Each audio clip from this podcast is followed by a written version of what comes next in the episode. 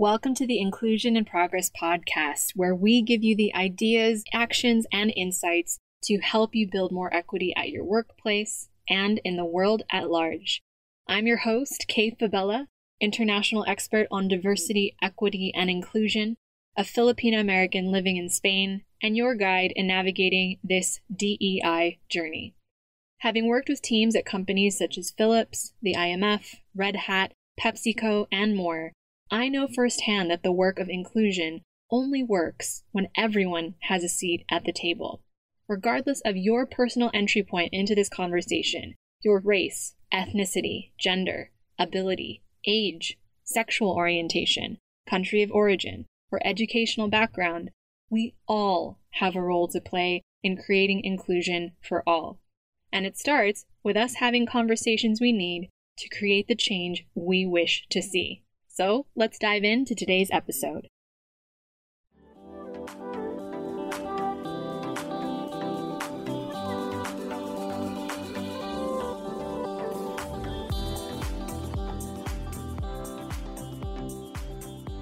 Hello again. Welcome back to the show. So, this is the first episode of March and a continuation of our season on workplace wellness. Now I can officially say Happy International Women's Month. If you're listening to this in real time, it is also my Spanish partner Javi's birthday month. I like to joke that since his birthday falls on International Women's Day, and he was raised by a strong mother and two older sisters, you will never meet a more bona fide feminist.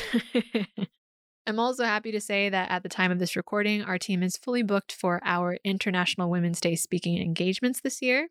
And wanted to give a quick shout out and thank you to our clients who chose to partner with us again. We appreciate you. Speaking for IWD is one of my favorite times of year, but I'm only able to offer a few slots these days alongside our team's ongoing client work. So, as you now know, we've developed long standing partnerships with the likes of Red Hat, Headspace, and Instagram, and we only take on 10 client partners per year to be able to deliver the best work that we can in a way that prioritizes both our clients and our mental health. So, if you'd like to book a call with us to learn how we could partner with you or how specifically we could offer Women's Month initiatives for you in 2023, such as a speaking engagement with me, head to the link in the show notes to get in touch with our team. Or, as always, you can email us directly at info at inclusioninprogress.com and we'll let you know how we can speak or arrange a custom workshop for you to support gender equity at your workplace. But to get serious for a moment here, given that we are sadly still witnessing a backslide on decades of gender equity at work, as we watch millions of women either leaving or considering leaving the workforce due to pandemic related pressures, here is my hope.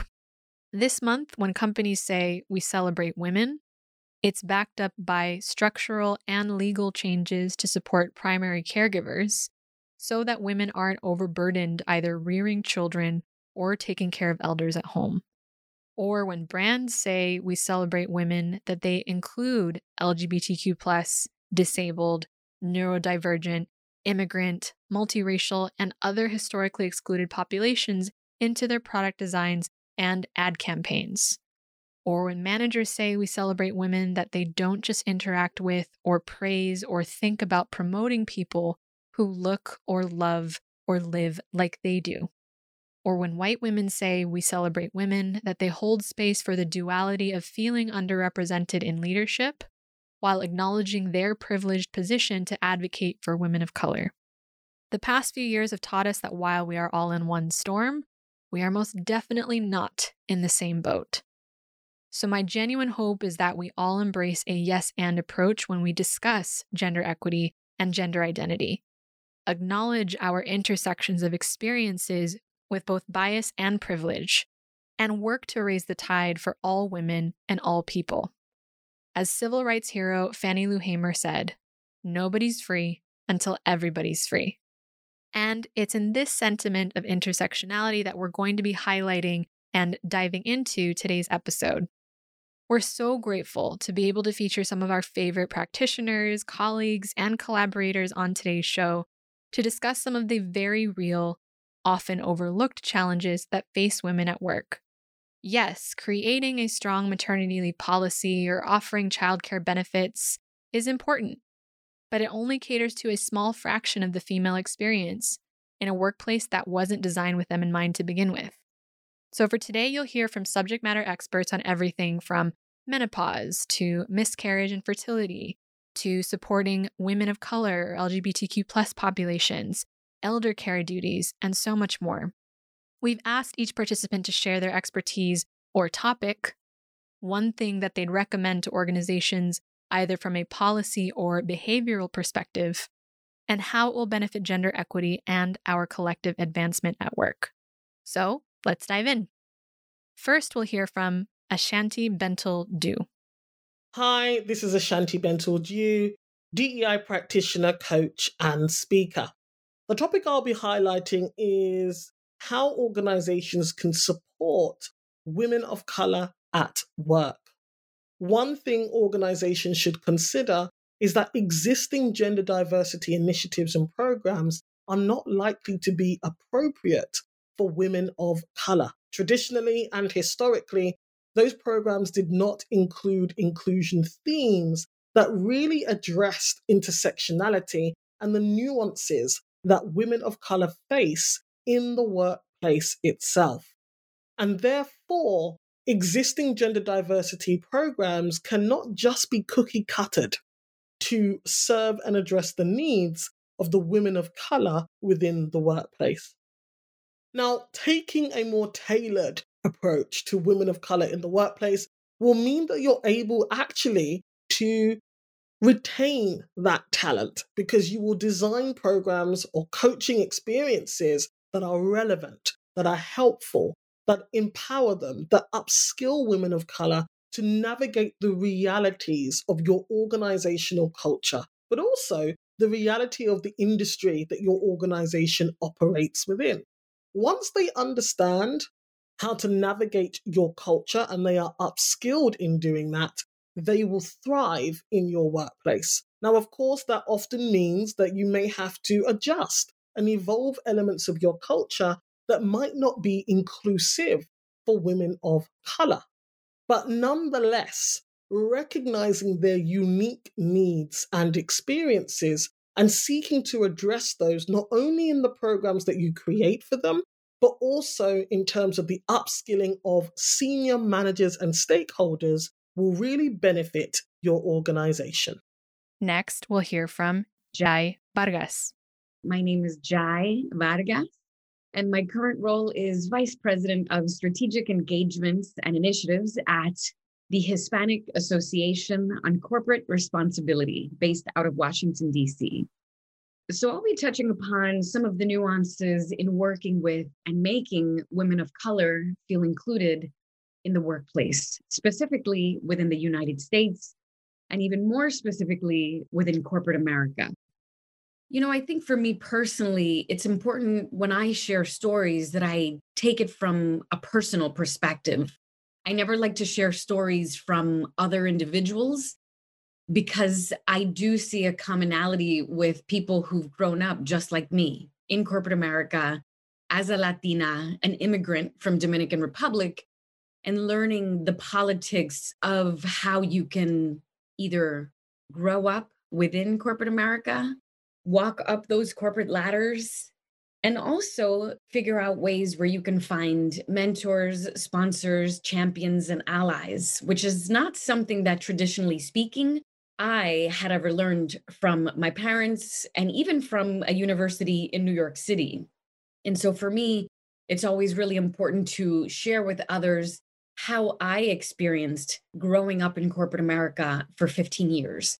Some of the nuances, the challenges, the opportunities, the resources, and really the headwinds that I saw within those 15 years and still see within the women that I coach and for some of those allies that are trying to figure out, just tell me how to help, it's really what I like to do best. I think it's important first beginning with understanding these individuals. A lot of the times when I work with organizations, diversity councils, task forces, or employee resource groups, they use their own perspective, judgment, and experience to assume they know the types of programs these individuals, communities, or members need. But what you should start off with is really a survey, conversations, and having those individuals share with you their experiences, right? So, not just assuming that, hey, we probably know that women of color lack mentors. Let's launch a mentorship or sponsorship program here. And then when you launch, it's difficult to get people to show up or it doesn't go as planned because you either don't have the leaders to run with it or the bandwidth or the strategy to make it a successful program. And so I always say start with really understanding these individuals by asking the right questions in a survey and not just demographic questions, but where did you grow up? How did you get to this country? Share with us the different languages that you spoke at home. How do you experience purchasing our product within your community?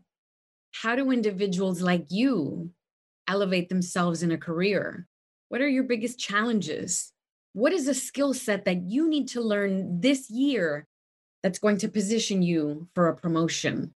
right? When you really get to the core of professional development with a nuance on their lived experiences as a woman of color, you'll learn so much that you probably didn't even know.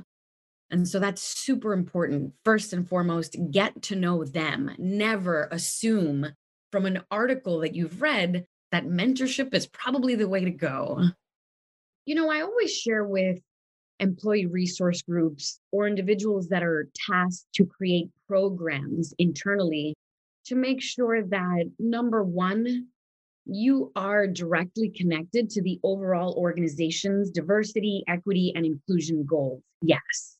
But number two, every single program that you launch should not only be for that specific group. Because when you think about it, a lot of these employee resource groups are working in silos.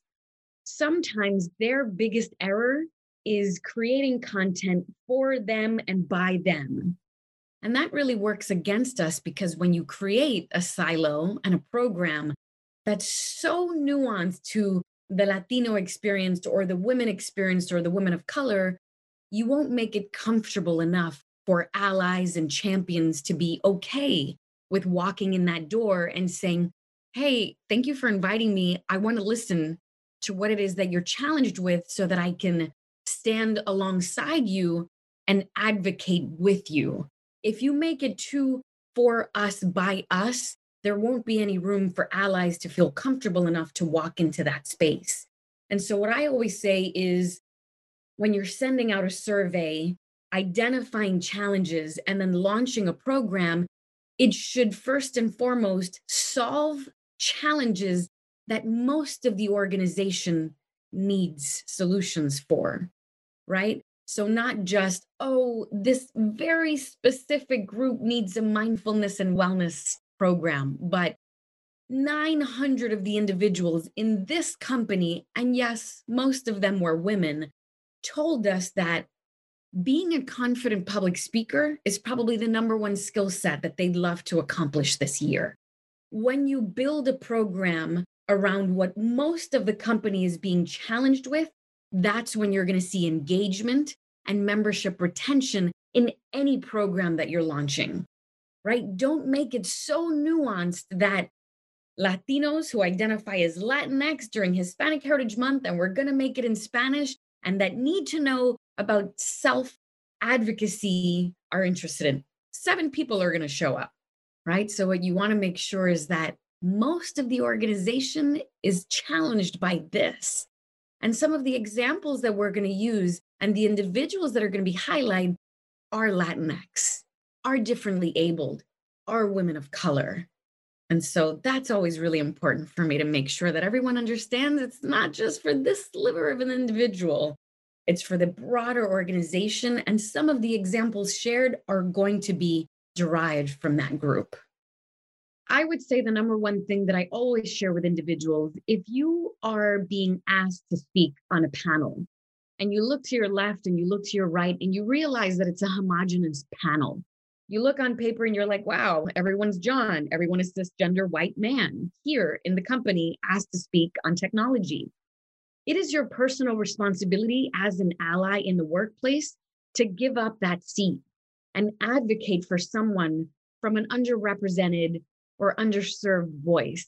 For you to be able to raise your hand and say, thanks so much for the opportunity, but I've got a friend in accounting who's a woman of color who deserves some time because she's got great experience and she can add perspective from what she has created here in the company. I want to give up my space on the panel here so that she can be included. And so, if there's ever an opportunity for you to share a mentorship program application, a panelist spot, a leadership role, a promotion, a development program, make sure that you go above and beyond to make sure that these women of color are getting that link. Because traditionally speaking, if they aren't in finance or accounting or marketing, nobody's thinking of them. And so you, as an ally, have the opportunity to have visibility and go above and beyond and say, hey, you should apply for that role. Hey, there's a development program launching. I'm going to advocate for you to get a seat at that table, even though it's only for these people in this department. Why should it be that way? I'm going to make sure that I call in a favor and get you on there because it's important and I want to see you grow. Next, we'll hear from Celia Daniels. Hi, my name is Celia Sandhya Daniels. I am an Asian Indian. I'm an immigrant. I'm an entrepreneur. I am a dad. Married to a beautiful cisgender woman, and my daughter is cisgender as well. And this is my identity. And I have so many other interests that I want to talk about, but more in the podcast. But that's a brief introduction. I identify as a gender non binary person of color, and I go by she and they pronouns. I've been through a lot in my life in the past 40 years of my journey as a trans child, or I would say as a gender non binary child growing up in India. I was born and raised in India in a conservative family, and I wasn't able to speak up to what I was going through because my gender wasn't doing justice to my anatomy. But I knew deep inside that I was different, and I identified with women and girls in my community in southern India. To me, that was so passionate that I was so engrossed with the way women were and they were beautifully made. And it was like, God, why did you make me as a boy? I wanted to be a beautiful girl and it's not happened. And what do I do? I can't speak up about it.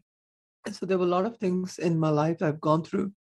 Passionately, I speak about the struggles and trauma that I had growing up as a trans child. And also after I got married, and how I was in denial for a very long time in order for me to even accept my identity. It took a while, and now I have the courage to speak up because I think it's important for me.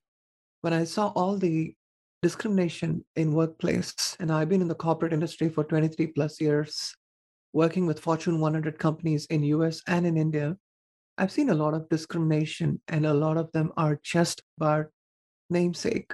So I wanted to change that. And that's one of the reasons why I feel passionate about creating a change in companies and speaking up and building the allyship with women in order to support our advancement in the workplace. I want to quote what Kimberlé Crenshaw had mentioned in one of her speeches. She said that the future is not just women, but intersectional identities. The way I see is trans identity, people with intersectional non binary identity, they are growing in numbers. It's not that they are coming out and everyone asks me that what happened? You know all these folks are coming out. It's only because of the education that's happening. They see a lot of awareness a lot of acceptance in companies in the community and everyone is feeling that you know i want to come out. Like when i was young i told my parents i wanted to be a girl and my parents knew that i was different but they couldn't support me because the society that i lived in wasn't favorable to a person like me my mom is a wonderful person. And I just embrace some of the things that she taught me to be independent. And she was an independent woman. And my dad was very supportive of her, eh, no matter what she did. As a working woman in India in the early 60s, it was such an amazing thing to see my mom literally setting the trend in our family. as to going and working in the hospital and being that. And I see that kind of a trend in my daughter now, who's 21 years old. She's one of the young Democrats trying to change the community, not just for the LGBTQ community, but for brown women of color. And also, I see my wife now standing up for who she is in her workplace. And I see so many wonderful women. I feel surrounded by these wonderful women in my life.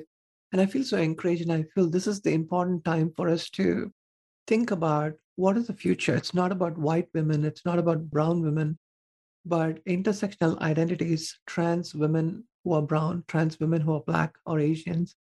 Now, that is the next level of building the allyship in companies is so important.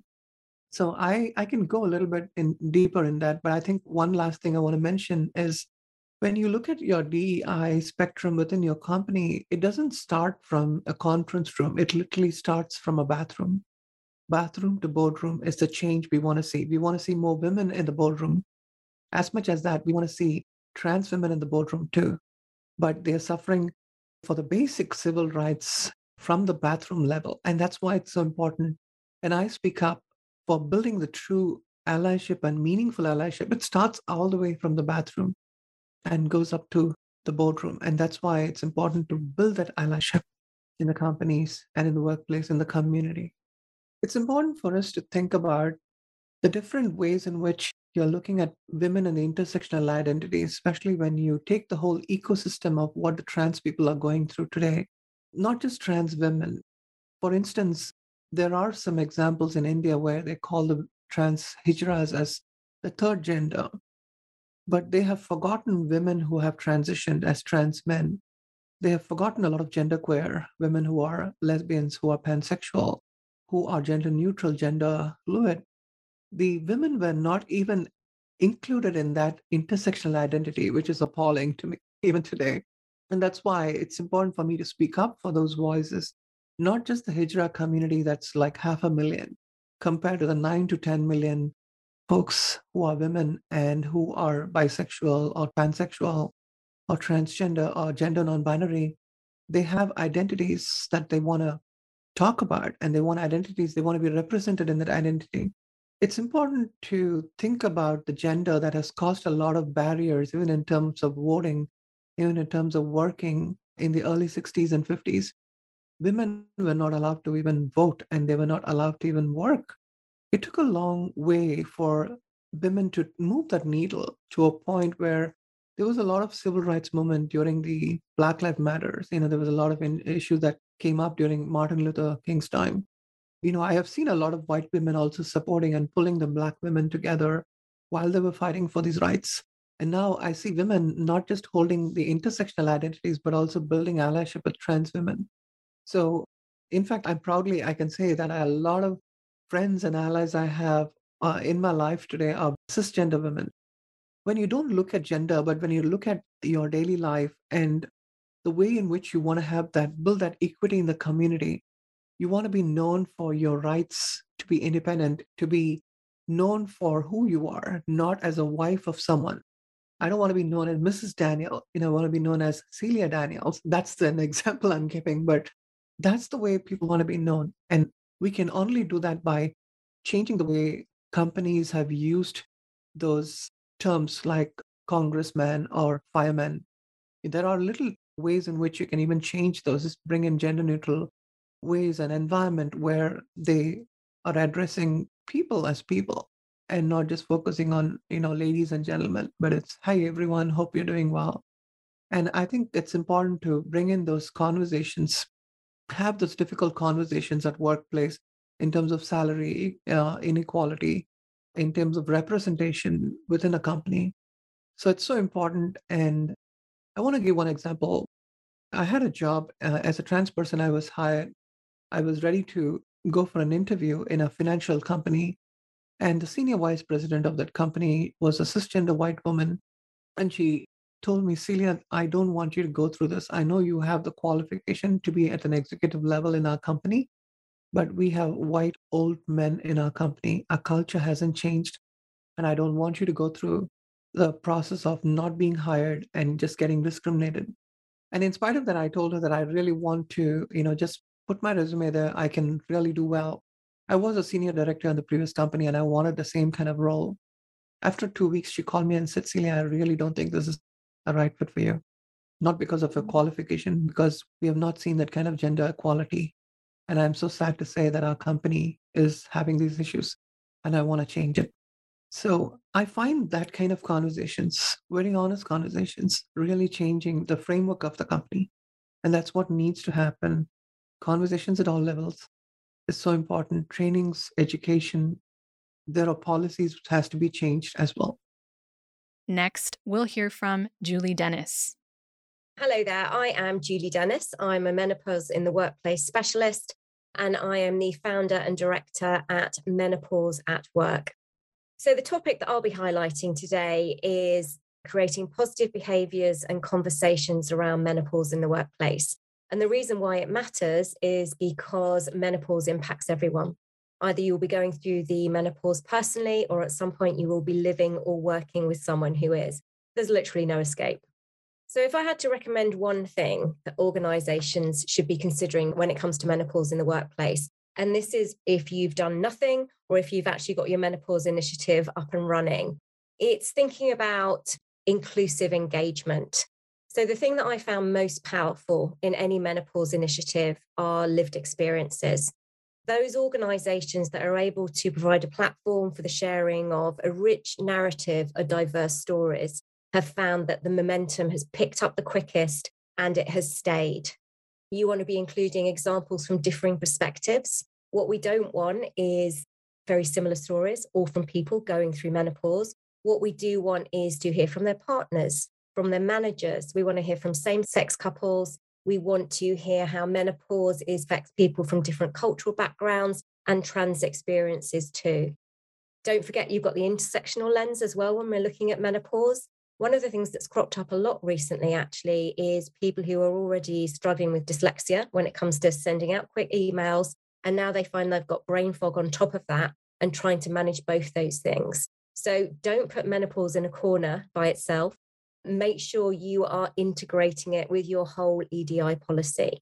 And the final thing around the inclusive engagement, I think, is when you're looking at the platforms to share, again, make sure there's an opportunity for everyone to access them. So include articles, blogs, meetups on the opportunity for one to one conversations and make it okay for people to share anonymously too if they wish to.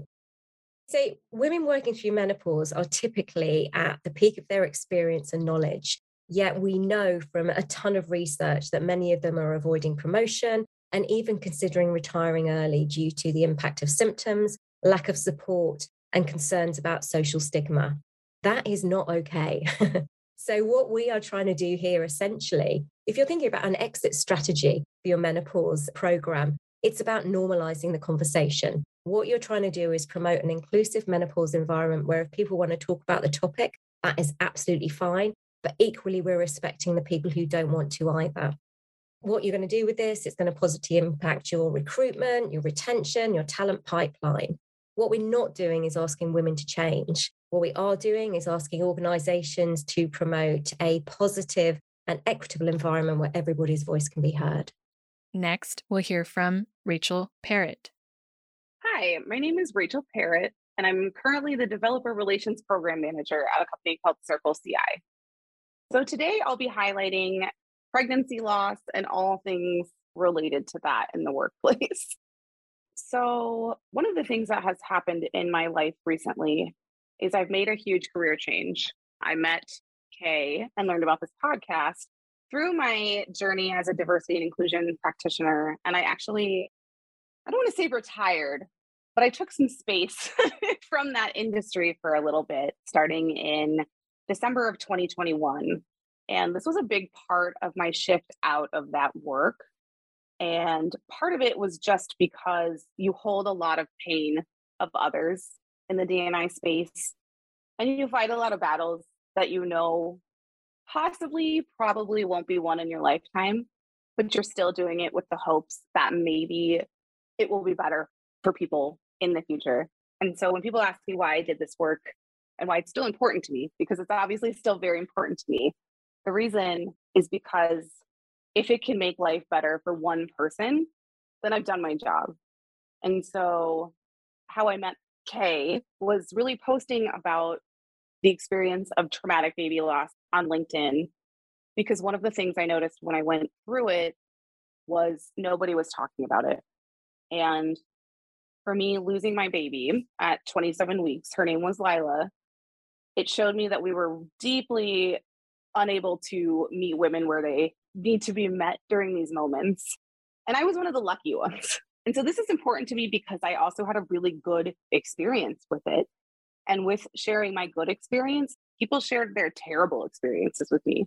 I was shocked at how many people, in response to me sharing very honestly what happened to me and the associated pain, I think a lot of people messaged me or commented and said, I needed to know that somebody else was losing their mind, that they were unable to pick themselves off the floor, they were, you know, desperately trying to cover the fact that they were sobbing before they got on Zoom meetings because that's the world we're in. We're in this pandemic world where everyone's looking at your face constantly. You're on screen. And so this is just really important to me because it touches so many parts of what it means to be a uterus having human or a birthing parent and what happens when you go through loss. So there's a statistic we all have heard before, which is, you know, one in four women will have a miscarriage or one in four women will lose a baby. But it actually became really apparent to me that it's actually not one in four women, it's one in four pregnancies. So that's going to actually be more than one for many birthing parents. And so that's also what happened with Lila is she came after another loss. And so I lost a baby at 7 weeks and then I lost my next child at 27 weeks. And that grief stacks up. And I think one of the things I realized after I lost Lila is just none of us know how to talk about grief. It's really hard in the workplace for people to talk about grief, to really understand the depth of it, and to understand that these women were pregnant and then they came back and they weren't. And that may just seem like a data point to your colleagues. Oh, that person was pregnant and then they weren't. But what's happening for that woman? And so all of these things are what make this important is we make up a huge part of the planet. We make up a huge part of your workforce. And if this is happening in such a high rate, it has to be something that organizations talk about, that we have to start removing some of the stigma and I talk about that as someone who I met my new colleagues last night. I met some people in Portland at my new company, and I actually brought up that I lost my baby to a group of colleagues. And I remember as I was driving home, I was like, was that a mistake? Are they going to think I'm weak? Are they going to think I'm unhinged? Like it just became this thing where I was like, oh my God, I told these people that I had PTSD from losing a baby and they're my colleagues. And what does that mean when I go to work with them on Monday? Does that mean that now I'm a different person to them? And I don't know if that is true at all. But what that shows is even as a D&I practitioner who has these conversations publicly, who I don't think you could have hired me and looked at my LinkedIn without being like, that's the baby loss lady. I still felt this sense of exactly what you hear other women saying that they're going to think less of me, that they're going to think I'm weak, they're going to think I failed at being a woman, that I failed at being a mother. And those are all things I've internalized as well. And so it goes to show that, you know, I lost this baby in August and we're sitting here in February and it's still something that I worry about that I woke up like, oh God, I told my colleagues I lost my baby. Like, am I just like the grief patient zero or something, you know? and so for all those reasons, for that anxiety that I felt after telling people, for the fact that during my first miscarriage, I interviewed 26 times for different jobs because I didn't think I could take a break but I didn't think I was allowed to sit down and rest. So I was actively miscarrying while interviewing for jobs, just ducking out to change everything and cry and then hopping back onto Zoom to interview. And it was something that I look back and I go, why did I feel compelled to do that to myself? Why couldn't that stuff have waited?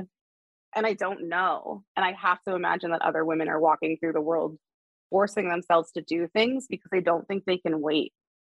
And so, how do organizations create space and time?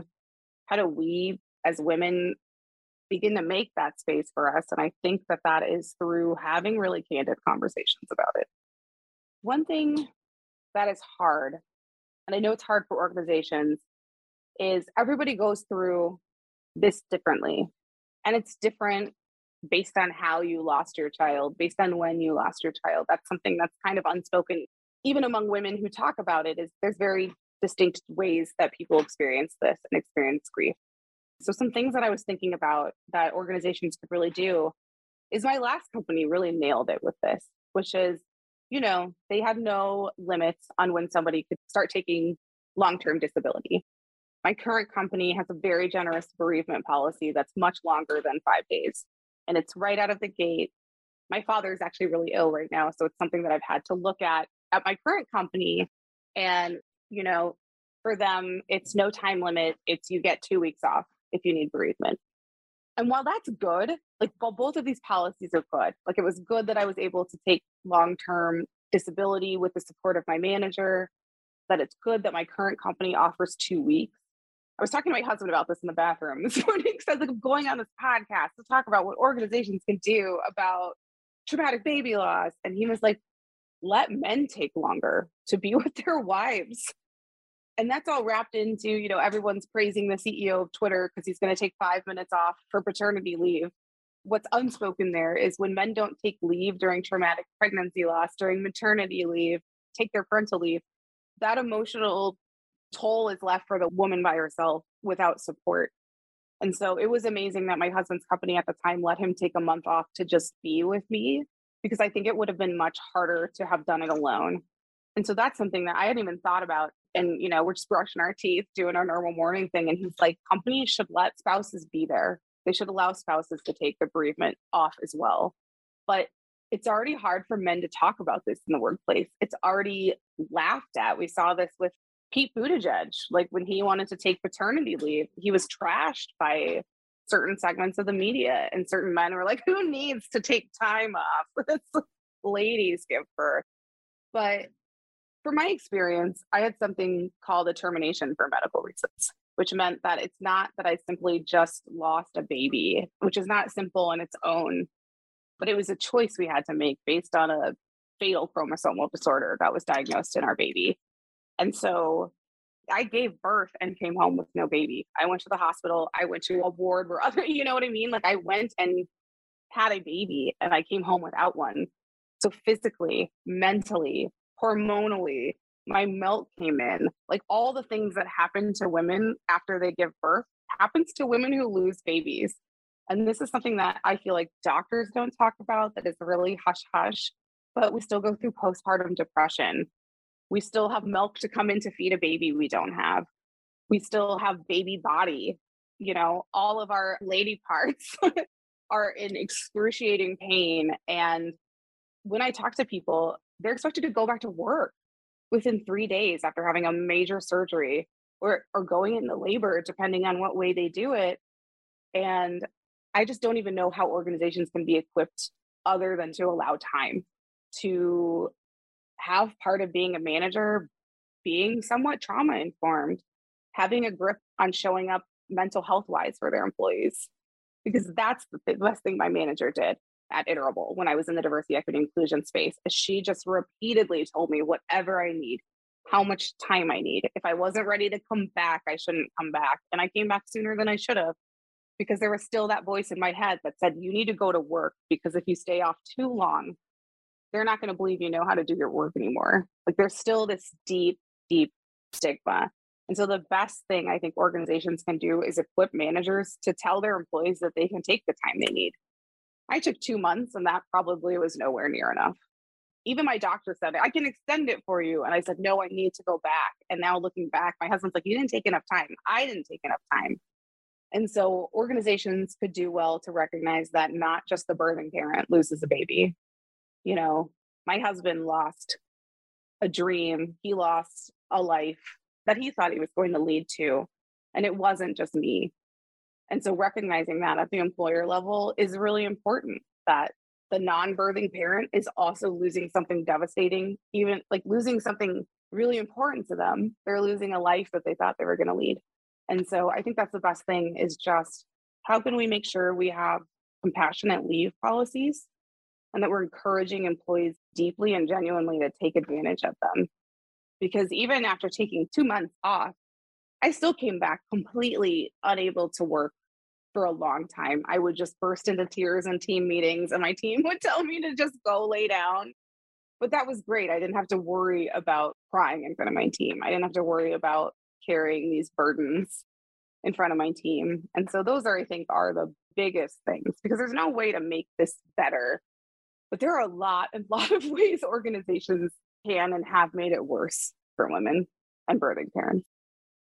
I think there's still, I mean, I know there's still an almost paternalistic view towards women that many organizations have. And I think that many of the things that oftentimes the majority, so I would say that white men think about women is that when we need time, it's weakness.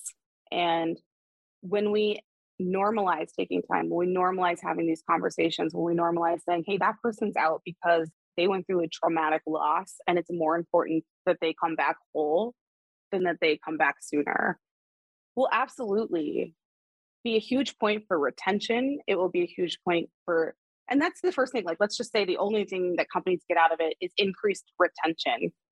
That's still a bonus when you look at the business case for D&I.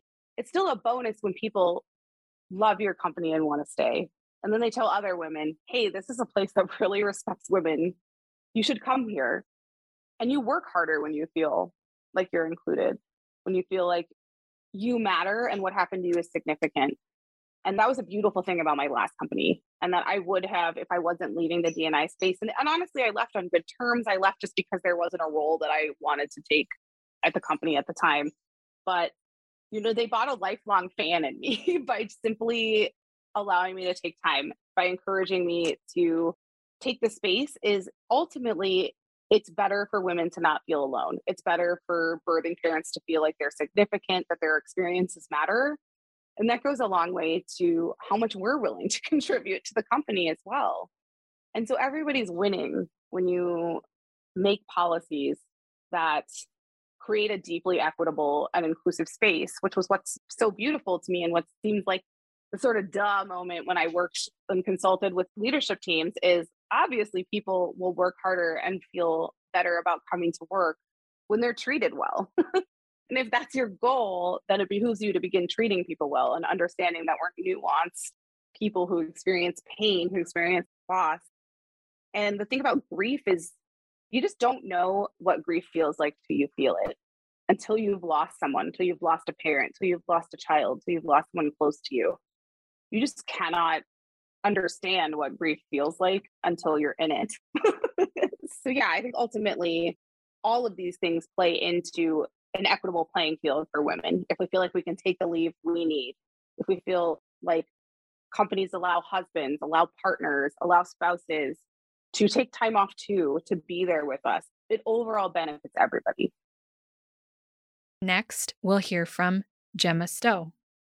Hi, I'm Gemma Stowe, and I'm the founder of Noma More Hiding Limited. And I'm a professional coach, and I work with organizations to help them close the gender pay gap. The topic I'll be highlighting is the importance of visibility for women and their career progression, especially with the broken ladder. It's so important to me to get more diversity around those decision making tables and to have opportunities for everybody in the workplace, especially women, as they are often so many barriers that hold them back.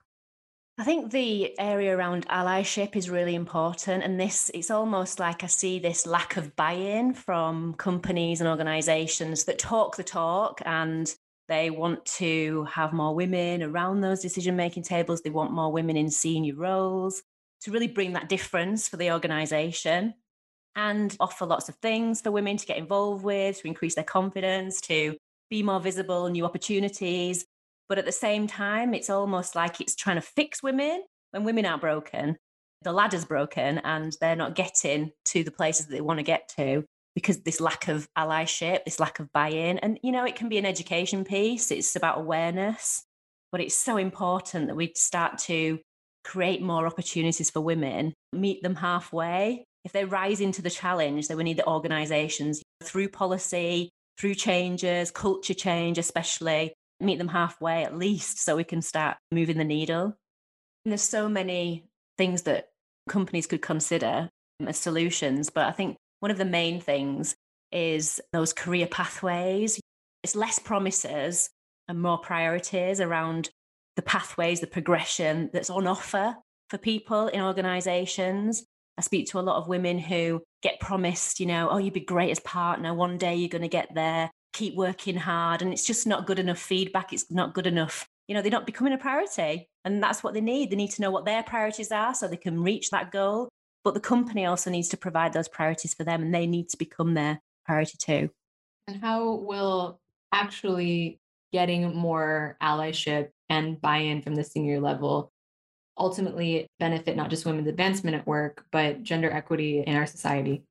The impact would be huge. And it is about education. You know, I work with a lot of men in senior positions who want to be better allies, and some just don't know what they don't know. And to open their eyes to the possibilities, if they could only start asking what women want rather than making assumptions, will be the impact will be huge, not just in their organization, but obviously in society, in personal lives, as well as professional. Finally, we'll hear from Michelle Gyimah. Hi, my name is Michelle Gyimah, and I am an ethnicity and gender pay gaps consultant. And I'm the director of my pay gaps consultancy, which is called Equality Pays. And so the topic that I'm going to be highlighting today is around closing the gender pay gap in particular, talking to you about women's abilities and confidence in negotiating for more. So, if there was one piece of advice that I would give to women in the workplace, it's this.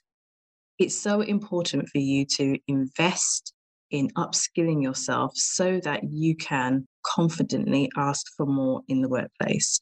Now, that investment can be one of two things. It could be investment in time, in terms of going away and finding out exactly what it is that you need to know and how to do it well in terms of going in for negotiation. Or it might be money because you might decide that what you really need to do is to take a course or to get coaching and get that one to one support. Or it might be a bit of both. Whatever it is that you decide to do, it's all about making that investment negotiating is a skill.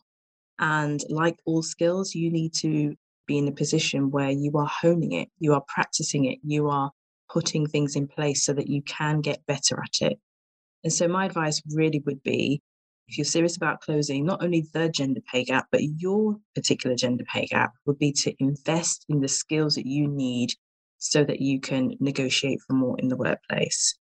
But I also have a caveat with that, and it's a kind of second piece of advice, because this isn't about telling women that to close the gender pay gap, all they have to do is to negotiate for more.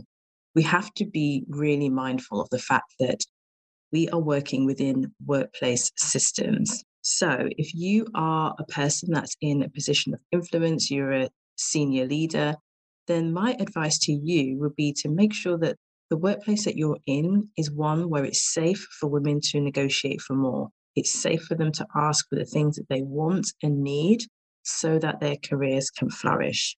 The statistics show us that women experience much more pushback than men when they negotiate for more. So clearly, there's a systemic issue here.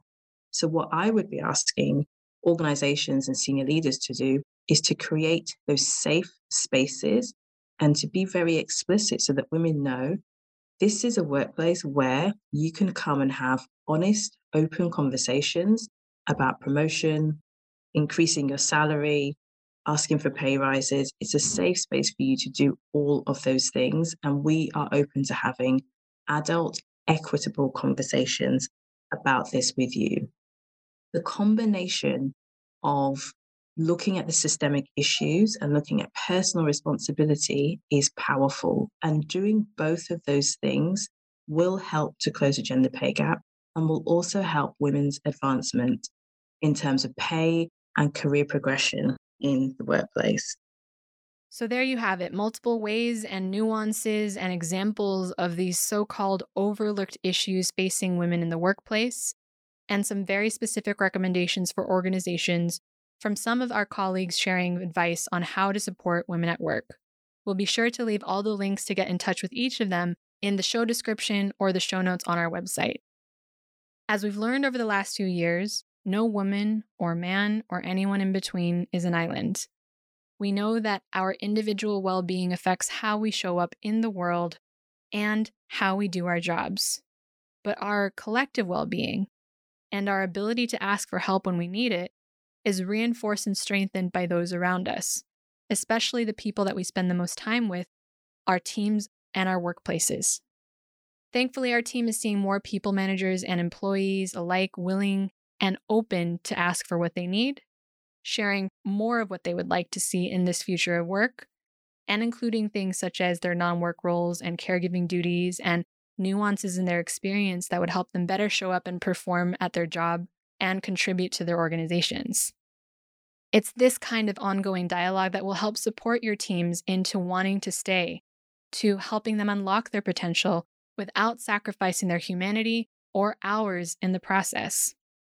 Now, we know that teams span more lived experiences, identities, and cultures, and locations than ever before. So it's easy to feel like it's a minefield.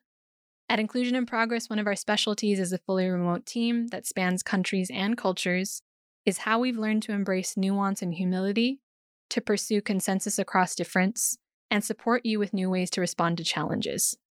We're also more than happy to refer you to some of our many affiliate partners and colleagues, some of who've been featured on today's episode. So if you'd like to learn more about how we can work together, or would like a warm introduction to someone from our episode today, head to the link in the show notes to get in touch with our team.